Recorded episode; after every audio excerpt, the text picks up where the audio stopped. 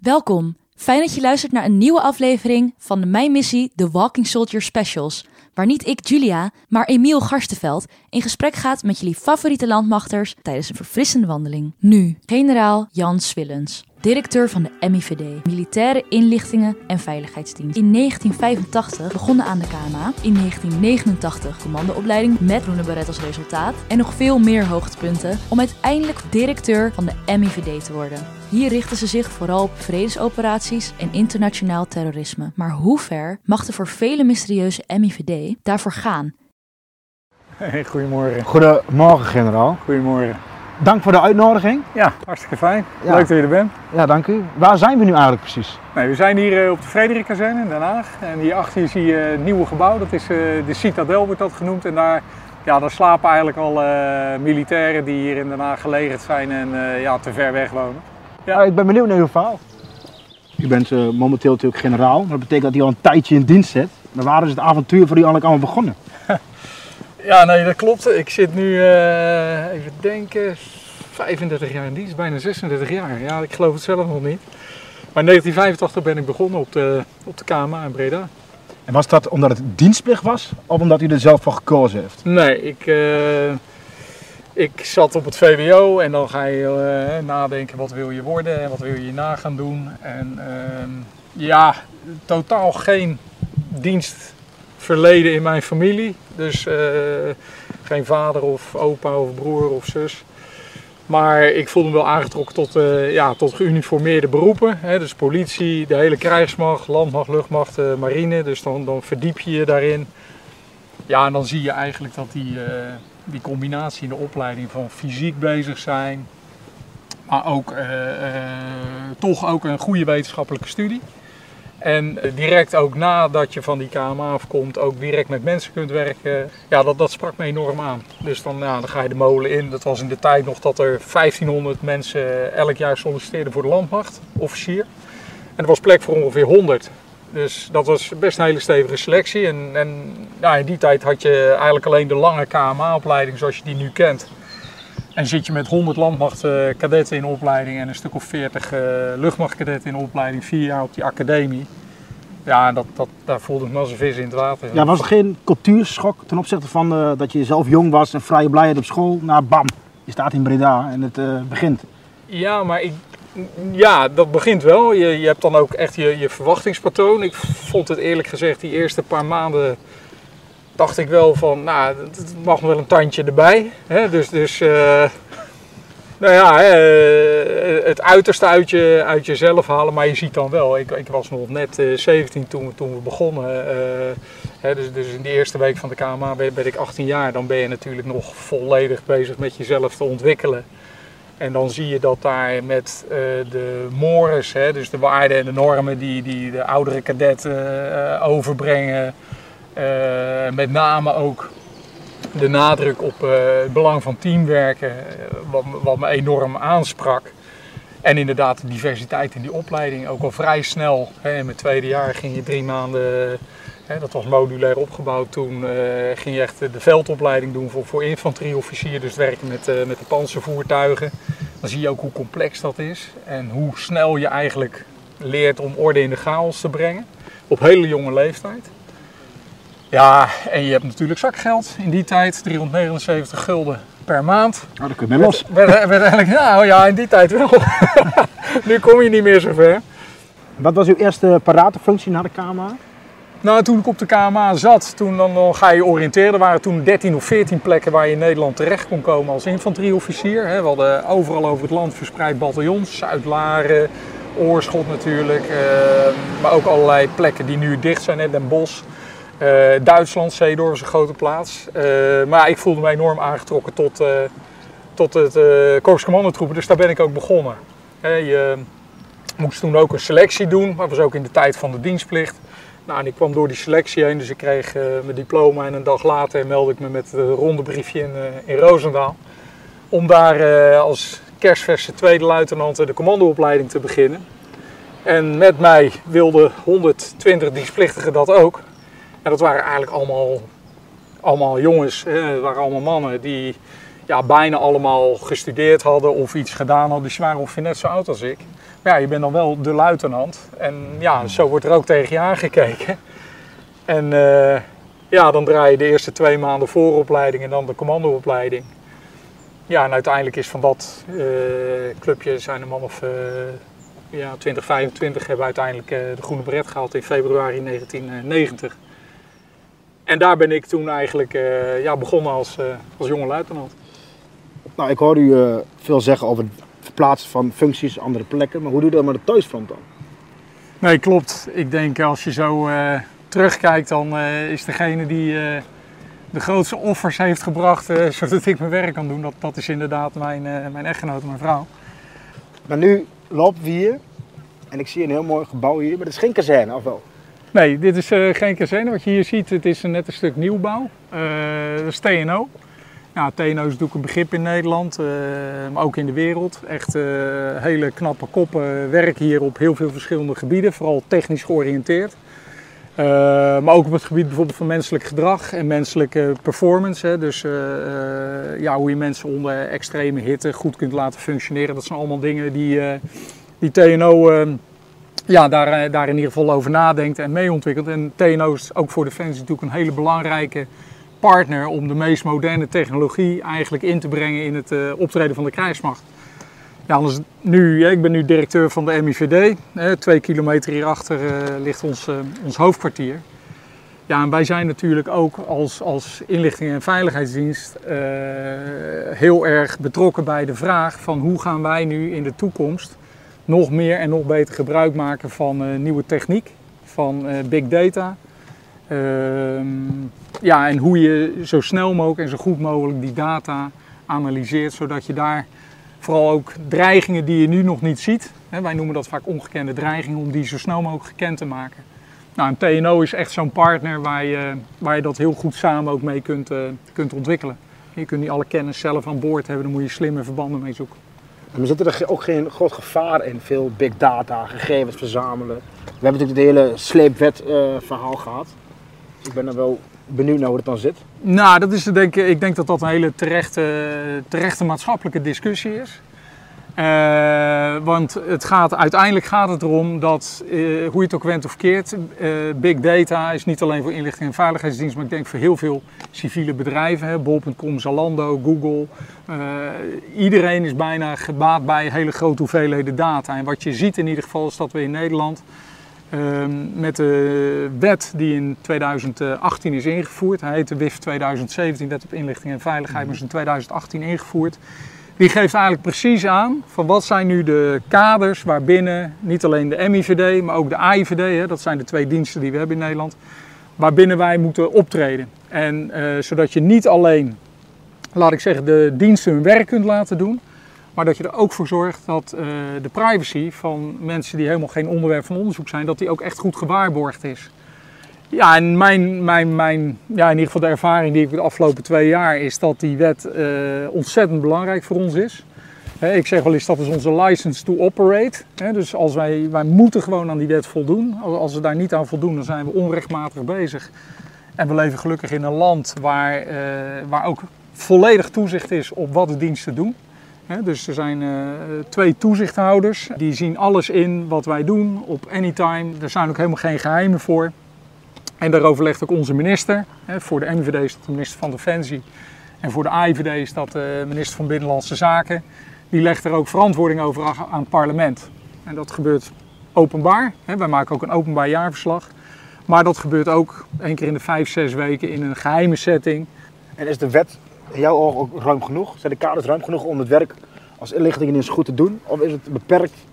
Nou, wat je, ja, wat je ziet, en dat, dat is ook een, eh, echt een actuele discussie, dat de wet uh, die schrijft bepaalde dingen op. En er zit altijd ruimte voor, hè, noem maar even de geest van de wet. Dus hoe interpreteer je bepaalde uh, begrippen in de wet? Een voorbeeld is bijvoorbeeld uh, dat wij data die wij niet gebruiken, die wij niet relevant vinden, die moeten we weggooien. Nou, over de manier waarop je zegt van een dataset is, is belangrijk voor ons, daarover kun je van gedachten verschillen. Als je even simplistisch voorgesteld, Afghanistan, alle telefoonboeken van Afghanistan, dat, dat zou je een dataset kunnen noemen. Nou, dan, dan, dan zeggen wij bijvoorbeeld van wij vinden al die telefoonboeken vinden wij relevant, want we weten niet of een IED-bommenmaker, of die in het zuiden of in het noorden of in het westen zit. Maar dat betekent dat je natuurlijk heel veel gegevens bewaart van heel veel mensen die eigenlijk helemaal geen onderwerp van onderzoek zijn.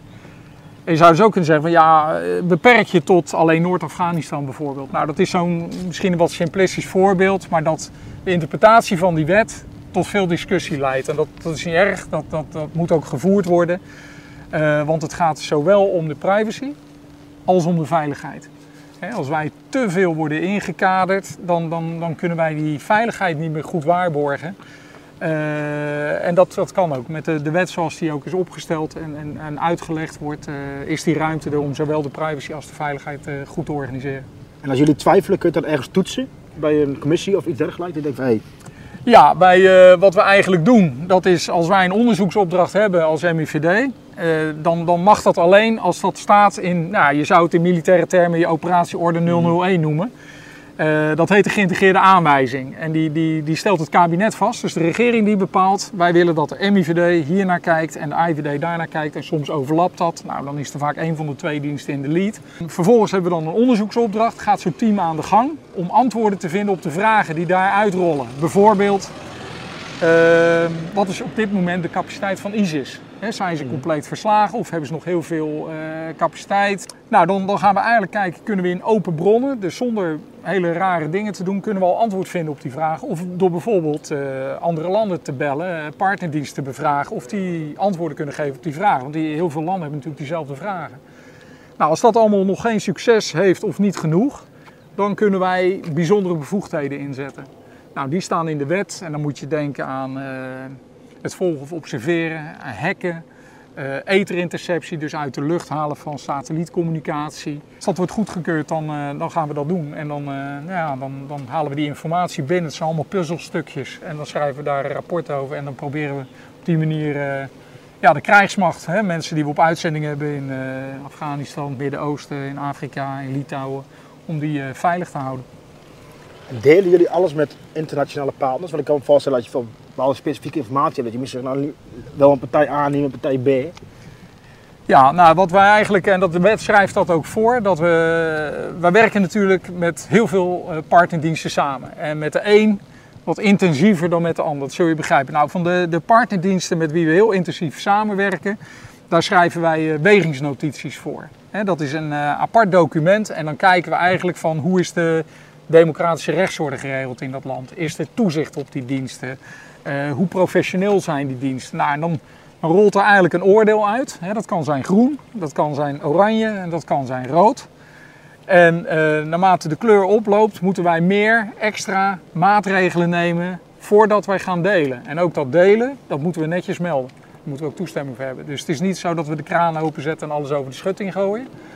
Uh, maar het is wel zo dat die internationale samenwerking ongelooflijk belangrijk is. Want nou, kijk naar het digitale domein, uh, cyberaanvallen die plaatsvinden in de Verenigde Staten, SolarWinds uh, pas. Ja, die raken ook Nederland, die raken ook Nederlandse bedrijven. En als je dan, laat ik zeggen, die informatie goed kunt delen met, met gerenommeerde partnerdiensten, dan, dan maakt je dat ook veel weerbaarder.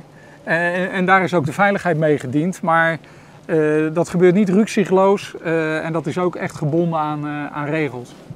Okay, en als je nou, kijk, ik kan me voorstellen als je als inlichting succes hebt, dan wil je dat delen. Ja. Maar dat is natuurlijk soms lastig Zeker. in de media. Hoe, hoe, hoe doe je dat? Want het is natuurlijk ook zo, als je heel veel deelt, dan denken mensen ook, het is heel eng. De wereld is heel onveilig. Ja. Dus er zit natuurlijk wel een balans in. Ja, dat is een goede vraag. In wat je, wat je wil en wat je kan. Ja, nou, het is, het is spijker op zijn kop een hele goede vraag. En kijk, wat wij merken, dat is dat uh, heel vaak in de beeldvorming. Uh, um, mensen denken dat wij alle appjes van iedereen zomaar in kunnen kijken. En dat, dat is totale onzin. Dat is totaal niet aan de orde. Hè. Al zouden we het willen, we hebben er de capaciteit niet voor, maar ook de rechtsbasis niet. De geïntegreerde aan, wat ik net al zei, die bepaalt of we iets doen of niet doen. Dus dat beeld moeten we rechtzetten. En dat kun je eigenlijk alleen maar doen door vaker uh, zelf ook naar buiten te treden. En dat is natuurlijk best ingewikkeld voor een inlichting en veiligheidsdienst om meer inzage te geven in wat je doet en hoe je dat doet. Maar eh, samen met de AIVD zijn we er echt van overtuigd dat we dat meer moeten doen, omdat daarmee de samenleving meer vertrouwen krijgt in, eh, in haar inlichting en veiligheidsdienst. Want ik denk dat we echt als Nederland, eh, ik ben dat in ieder geval ook, trots kunnen zijn op hoe wij hoe we ons land en onze krijgsmacht veilig houden. Maar het leidt ook, als je meer inzage geeft, in meer sense of urgency. Want het is natuurlijk toch niet niks. Wij staan elke dag, en dat is geen dreigverhaal, ik wil echt geen boeman zijn, maar elke dag wordt Nederland aangevallen in het digitale domein. Wij zijn voor heel veel actoren, hè, en dat is ook een lastig woord, actoren, maar voor staten, soms ook criminele organisaties, zijn wij echt een heel gewild land, omdat we een gigantische kennispositie hebben. Nou, TNO is daar een voorbeeld van. Maar ook we hebben hier een aantal bedrijven, een aantal hogescholen, eh, technische universiteiten. Uh, nou, kijk naar bijvoorbeeld uh, Thales, kijk naar bedrijven als ASML. Dat is, dat is state-of-the-art technologie die hier in Nederland bedacht, ontwikkeld en gemaakt wordt. En daar, daar is echt een serieus, serieus issue als je daar je veiligheid niet op orde hebt. Dus vandaar dat jullie laatst tijd wat meer in de media komen om de bewustwording te creëren bij de mensen. Ja, ja inderdaad. Mensen meenemen in, in, in wat er gebeurt. En dat, dat, uh, dat is ook echt, echt heel belangrijk. Want uiteindelijk, als al jouw kennis uh, wegcijpelt, dan, dan raakt dat ook direct het verdienvermogen van, van Nederland. wij bijvoorbeeld als MIVD hebben een bureau Industrie en Veiligheid. En dat bureau dat keurt eigenlijk alle bedrijven die leveren aan defensie. dat noemen wij de defensieordebedrijven. Uh, ongeveer 70% van onze kennis, van defensiekennis, die ligt bij bedrijven als TNO, maar ook bij, bij grote technologiebedrijven. Dus die onderwerpen wij aan een strenger regime. Dat heet het ABDO-regime. Dat betekent bijvoorbeeld dat ze een fysieke beveiliging van de spullen op orde moeten hebben. Dat ze aparte uh, beveiliging moeten hebben op hun communicatiesystemen en, uh, en computers. Nou, dat mechanisme dat zou je eigenlijk veel breder uit willen rollen. Uh, bijvoorbeeld ook naar de vitale infrastructuur in Nederland. Want als een tegenstander de nationale luchthaven kan platleggen, of het energienetwerk kan hacken en daar sabotage malware achter kan laten, dan, dan ben je natuurlijk ongelooflijk kwetsbaar. En dat is wel uh, de dreiging die, die, die ja, zich met de snelheid van het licht ontwikkelt. We hebben het, het uh, gehad over dingen die allemaal kunnen. Maar we, we, worden best veel aangevallen. Wat is nu echt de acute dreiging? Of dingen waar wij als Nederland niet mee te maken hebben? Nou, wat je eigenlijk ziet is dat, uh, wij schrijven dat ook in onze jaarverslagen, dat uh, in het schemergebied tussen oorlog en vrede, zeggen we wel eens mooi, de grey zone. Ja, daar, daar is elke dag, worden we in ieder geval in het digitale domein, vinden aanvallen plaats op Nederland, op Nederlandse kennisinstituten op defensiebedrijven. Hè, dus defensiebedrijven die leveren aan defensie. Dat zijn echt targets waar, andere landen, statelijke actoren, zoals het ook zo mooi heet, echt in geïnteresseerd zijn. Uh, dus wij zien dat. Eh, soms horen we dat ook uit internationale contacten. En dan, ehm, dan moeten we daarop reageren. Maar ook de andere traditionele dreigingen, die, die, die ontwikkelen zich. Rusland is op zich een economie tussen nou, zeg maar Spanje en Frankrijk in. Hè, 145 miljoen inwoners. Investeert fors in zijn, uh, in zijn krijgsmacht. Investeert in nucleaire wapens. Investeert in hypersonenwapens. Hè. Hypersonenwapens zijn eigenlijk wapens die met meer dan raketten, die met meer dan uh, 10, 12 mag. Dus extreem snel en extreem wendbaar. Uh, over, over duizenden kilometers uh, afgeschoten kunnen worden. Die, dan ligt heel Nederland ligt, ligt binnen bereik. Ja, en China is natuurlijk, hè, we zeggen wel eens, Rusland is een hurricane en China is climate change. De omvang, hè, meer dan een miljard Chinezen, maar vooral ook de strategische agenda van China, hè, waar Xi Jinping letterlijk zegt in 2049 willen wij de nummer 1 in de wereld zijn en dat willen we zijn op economisch gebied, op technisch gebied en vooral ook op militair gebied. En dat willen ze eigenlijk al de komende decennium gaan realiseren ja, dan, dan kun je daar niet van wegkijken. En, en die dreiging, die veelzijdigheid van die dreigingen, ja, dat is eigenlijk het werk waar wij elke dag als militaire inlichting en veiligheidsdienst eh, naar kijken en dat ook proberen te duiden. En dus ook, laat ik zeggen, dat aan kunnen geven van eh, ja, wat, hoe kunnen we daar nu verstandig op, uh, op reageren. Vindt u niet dat de, de westerse vrije wereld, zoals dat ons oogpunt is, er meer moet op ageren? Nou, veiligheid is wel een thema wat, wat, wat steeds vaker in het nieuws komt. Uh, wat ik ook merk in mijn dagelijkse werk is dat Hè, waar vroeger veiligheid, vooral het ministerie van Defensie, het ministerie van Buitenlandse Zaken, ontwikkelingssamenwerking, dat waren een beetje de traditionele. En, JNV natuurlijk, justitie en veiligheid. Maar je ziet dat we nu heel vaak met economische zaken aan tafel zitten. We zitten regelmatig aan tafel met het ministerie van Onderwijs. Chinese studenten die rechtstreeks vanuit de Chinese defensieindustrie hier komen promoveren in nanotechnologie of in quantum computing. En, en, daarna ook rechtstreeks teruggaan, uh, het Chinese, de PLA in, het Chinese leger of, of, of de Chinese defensieindustrie. Um, kijk, het kenmerk ook van die, van die gray zone, van dat schemergebied, is dat er eigenlijk geen grenzen zijn. in, in de digitale wereld tellen landsgrenzen niet. Uh, geen grenzen tussen bedrijfsleven en overheid. Uh, vaak ook geen grenzen tussen criminele actoren en statelijke actoren dus het kan goed zijn dat, dat het iets een criminele actor lijkt, maar dat daar uiteindelijk een ander land achter zit. Ja. En dat attribueren, dus proberen te herleiden wie zit hier nu daadwerkelijk achter, dat is echt een van onze hoofdtaken. Waarbij wij eigenlijk altijd proberen te kijken naar dreigingen vanuit, uh, vanuit het perspectief uh, wat wil degene die hierachter zit. dus wat is de intentie? Wat kan degene? Dus is die capable, heeft die capaciteiten? En wat doet degene? Dus uh, wat wil iemand, wat kan iemand en wat doet iemand? En daar zien we steeds vaker de seinen op rood staan. Dat mensen echt een offensieve cyberstrategie hebben, ook zeer capable zijn en dat ook echt uh, uh, elke dag laten zien. En dan moet ik denken aan de, de, de standaard landen waar we denken, Rusland, China, Iran, dat soort landen? Ja. Oké, en doet Nederland ook zelf actief offensieve acties op cybergebied? Nou, laat ik, laat, ik vaststellen dat, dat uh, in mijn werk komt de militaire achtergrond, die, die komt heel goed van pas. Hè. Uh, strategisch denken, dat is ook iets wat in het bedrijfsleven uh, ontwikkeld is en wat vaak zijn, weer, weer oorsprong eigenlijk kent vanuit, vanuit het militaire vakwerk. Hè. Je, stelt een doel, je gaat methodes ontwikkelen om daar te komen en dat ga je dan proberen te realiseren. Uh, en wij als Nederland, uh, wij zijn natuurlijk in omvang niet een heel groot land.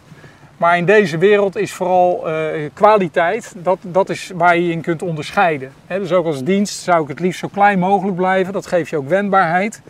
Maar vooral kwalitatief moet je proberen om in de top mee te draaien. En niet zozeer omdat dat nou leuk is, maar omdat de belangen te groot zijn om dat niet te doen dus je, populair is dat van ja, we willen Champions League spelen. Nou, je hebt niet de luxe als Nederland, als land, om geen Champions League te spelen. we zijn een handelsland, we zijn een kennisland. Dat moet beschermd worden. En daar heb je echt gewoon eh, de beste mensen voor nodig die daarvoor eh, voor te vinden zijn. We hebben het nu heel erg gehad over wat de MIVD allemaal kan en doet. Maar heeft u uh, tijdens uw eigen missie bijvoorbeeld ook te maken gehad met de MIVD vanaf de andere kant? Dat je informatie bij hun kreeg? Ja, zeker. Ja, ik denk dat zonder goede inlichtingen kun je, kun je, kun je niet aan het werk. En uh, nou ja, eh, deze week sluiten we echt het blok Afghanistan echt af. En ik uh, kan me herinneren, toen 9-11 gebeurde, was ik major. Commandant van een van de drie compieën bij het KST. Toen waren er nog drie compieën.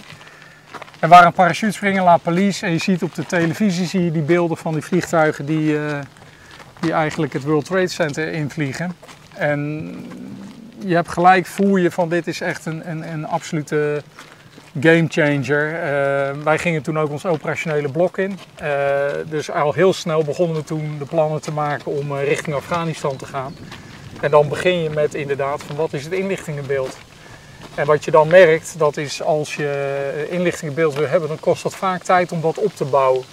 En moet je dus eenheden, middelen, uh, techniek moet je ontplooien in het, uh, in het gebied. Dus uh, ja, de allereerste lichting die naar Afghanistan ging, dat, die vertrok op 8 januari 2002. Dus een paar maanden na 9-11. Ik was daar de detachementscommandant van. Dus het is wel leuk, een beetje raar om te zeggen misschien, maar dat je met die eerste lichting in Afghanistan aan de grond komt. En eigenlijk ook uh, heel nauw met die MIVD het beeld opbouwt van wat gaan we daar aantreffen. je had toen de Noordelijke Alliantie, dus buitengewoon onduidelijk aan wie waren die loyaal. Wat vonden ze eigenlijk dat westerse troepen uh, in Afghanistan uh, rond gingen rijden. En de eerste opdracht die ik gaf aan ons, onze mensen was van, nou, wat we eigenlijk als eerste moeten hebben, dat is gewoon een Shell stratenboek van Kabul dus uh, we gaan uh, veilig gaan we proberen in contact te komen met al die strijdende facties. Dat waren een stuk of 90. wisten we later. Maar ja, op dat moment, je begint met niks. Er was nul. En, en, en dan bouw je dat op en dan zorg je dat je in ieder geval het terrein, eh, nou, de tegenstander, als het een tegenstander is, dat je die leert kennen.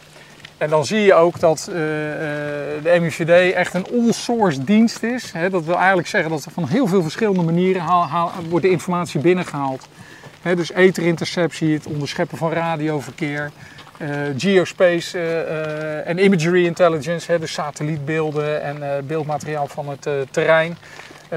tegenwoordig, toen nog niet, hacken, maar de menselijke bron, eyeball Mark 1 dat blijft er altijd een hele belangrijke... Human uh, intel. Ja, human intel. En later, uh, in 2008 en 2009, toen we met uh, 12e bataljon Battlegroep 8 vormden, in ieder geval de kern daarvan met alle ondersteuningen die daarbij zat. Ehm, ja, toen kregen we natuurlijk dagelijks de updates vanuit de dienst, vanuit de J2-lijn over wat de situatie was, hoe het was. Uh, bermbommen, eh, ik bedoel, dat was de dreiging nummer één in de periode dat, dat, dat, dat wij als battlegroep daar zaten. En dan, dan, dan eh, is een goede inlichtingorganisatie die redt echt mensenlevens. Uh, voorbeeld wat ik wel eens vaker ook gebruikt heb, dat, dat, dat is het voorbeeld dat hè, op, op zondagavond het bericht binnenkwam dat ergens een, een suicider zich gereed maakt om de Derenwoed zichzelf op te blazen. Ja, en dan, dan is natuurlijk de eerste vraag die je zelf stelt is van, uh, klopt dit? En als dit klopt, moeten we dan ook gaan handelen? Of gaan we gewoon binnen blijven? Dus de plannen die je maakt, de besluiten die je neemt, uh, dat gold voor mij toen als, als militair commandant, maar dat geldt nu ook, soms ook voor het kabinet, voor de minister. Die wil je het liefste maken op hele goede, betrouwbare inlichtingen. En, en het woord eigenstandigheid wordt dan vaak gebruikt en dat is eigenlijk... van kunnen wij het echt uit eigen analyse bevestigen of hebben we het alleen maar van horen zeggen of hebben we het alleen maar van een, van een internationale partner gekregen. Uh, die eigenstandigheid en die eigen analyses van onze eigen mensen, die, die, is, uh, die is fundamenteel. Dus één bron is geen bron eigenlijk? Ja, dat is mooi gezegd. Eén bron is geen bron. Ja. ja. Dus jullie willen graag altijd zelf bevestigen met eigen middelen op ogen ja. dat het zo is, zodat je zeker weet ja. Dat de intel klopt. Ja, en dan, dan gaat het echt vaak om enkele woorden. Hè. Onze analisten die kunnen echt heel lang discussiëren of iets mogelijk is, of waarschijnlijk is, of zeer waarschijnlijk, of bevestigd. En bevestigd is gewoon, het is zo. Ja, vast aan het feit. Ja, en wat dat betreft is ook wel leuk om te zeggen, het uh, motto van de MIVD, dat is meritum in veritatum discernendo. En dat is, uh, nou, dat is Latijn. En als je dat vertaalt, is dat eigenlijk het, uh, onze verdiensten ligt in het onderscheiden van de waarheid. En die kreet die, die is, nou, de MVD bestaat volgend jaar 20 jaar. Die is uh, toen al bedacht. En uh, toen hadden we nog nooit van fake nieuws gehoord. En ik zeg wel eens, als alle kranten A zeggen en wij, onze mensen zeggen het is niet A, het is B, dan moet er geen seconde getwijfeld worden. En dan moeten besluiten genomen worden op de informatie die wij aandragen. En nou, die positie die hebben we in ieder geval ook. En merk je ook dat uh, het kabinet ook zo over denkt? Dus als alle kranten A zeggen en jullie zeggen B, ja. dat ze dan voor B kiezen? Ja. ja. Dus er is volledig vertrouwen vanuit de overheid ja. in de organisaties die we hebben? Ja, ja dat is uh, zeker waar. En dat geldt niet alleen voor de MIVD, geldt ook voor de AIVD. Uh, dat is natuurlijk ook een positie waar je heel zuinig op moet zijn. Betekent soms ook dat je echt moet zeggen uh, als je het niet weet. Je kunt niet gaan speculeren. En uh, je moet alleen zeggen wat je echt 100% waar je ook achter kunt staan. En ja, dat is, vaak is dat natuurlijk ook wel lastig. Hè? We spraken even hiervoor over uh, naar buiten treden. Wat het bij ons vaak ingewikkeld maakt, dat is dat wij bepaalde dingen niet naar buiten kunnen brengen. Omdat we daarmee uh, prijsgeven hoe we aan de informatie zijn gekomen. Of de manier waarop we erachter zijn gekomen. Dus dan offer je eigenlijk een bronpositie op. En soms moet je dat doen. Maar dat zijn wel hele hele lastige discussies. Vaak omdat het ook heel veel tijd kost om ergens ja, die positie ook, uh, ook te krijgen. Ja, precies. Je moet eigenlijk geen bron opofferen om goede PR te krijgen. Nee, klopt. Ja, ja dat is heel mooi gezegd. En hoe zie je de toekomst van de dienst? Waar gaat het heen? Nou, het, het, het is denk ik uh, geen geheim dat uh, de technologische ontwikkelingen ongelooflijk snel gaan. En dat we dus ook uh, echt heel goed moeten nadenken over uh, wat die techniek ons aan kansen en mogelijkheden uh, biedt. Ehm, en daar heb je dus een hele diverse organisatie voor nodig. Dus jong, oud, heel technisch, talig. ook de, het vermogen om af en toe een stap terug te zetten en te kijken van doen we inderdaad de juiste dingen. En, en ehm, wat dat betreft komen ook de, laat ik zeggen, de fenomenen die ik in de krijgsmacht heb geleerd, die heel goed werken. Hè? Dingen als opdrachtgerichte commandovoering. Dus een leiderschapsstijl die vooral heel faciliterend is, maar die ook heel duidelijk is. Hè? Dus je moet zeggen wat er moet gebeuren en laat het hoe over, vooral aan de mensen die, die het echt moeten uitvoeren. Hè? Dus je opdrachtgerichte commandovoering is daarbij heel belangrijk.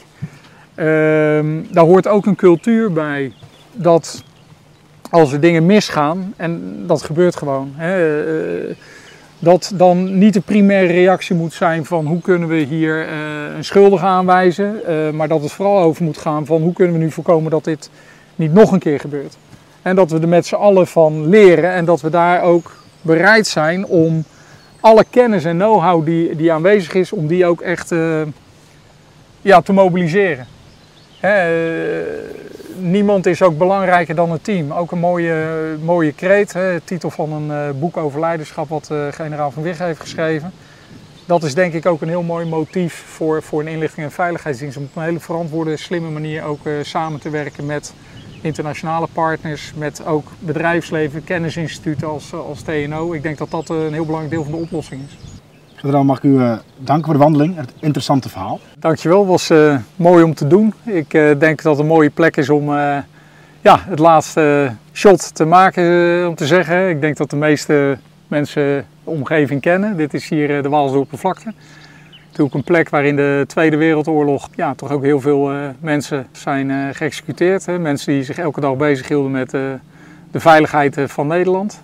Uh, dus denk ik ook heel passend om hier uh, het gesprek uh, af te ronden. Omdat ja, niet alleen ik, maar ik denk iedereen in de krijgsmacht zich heel betrokken voelt bij die missie om de krijgsmacht en om, om Nederland veilig te houden. Dus was me genoeg. Op YouTube is The Walking Soldier ook fysiek te bekijken. Vergeet je niet gelijk te abonneren op ons kanaal, zodat je altijd up-to-date bent van de nieuwste landmachtcontent.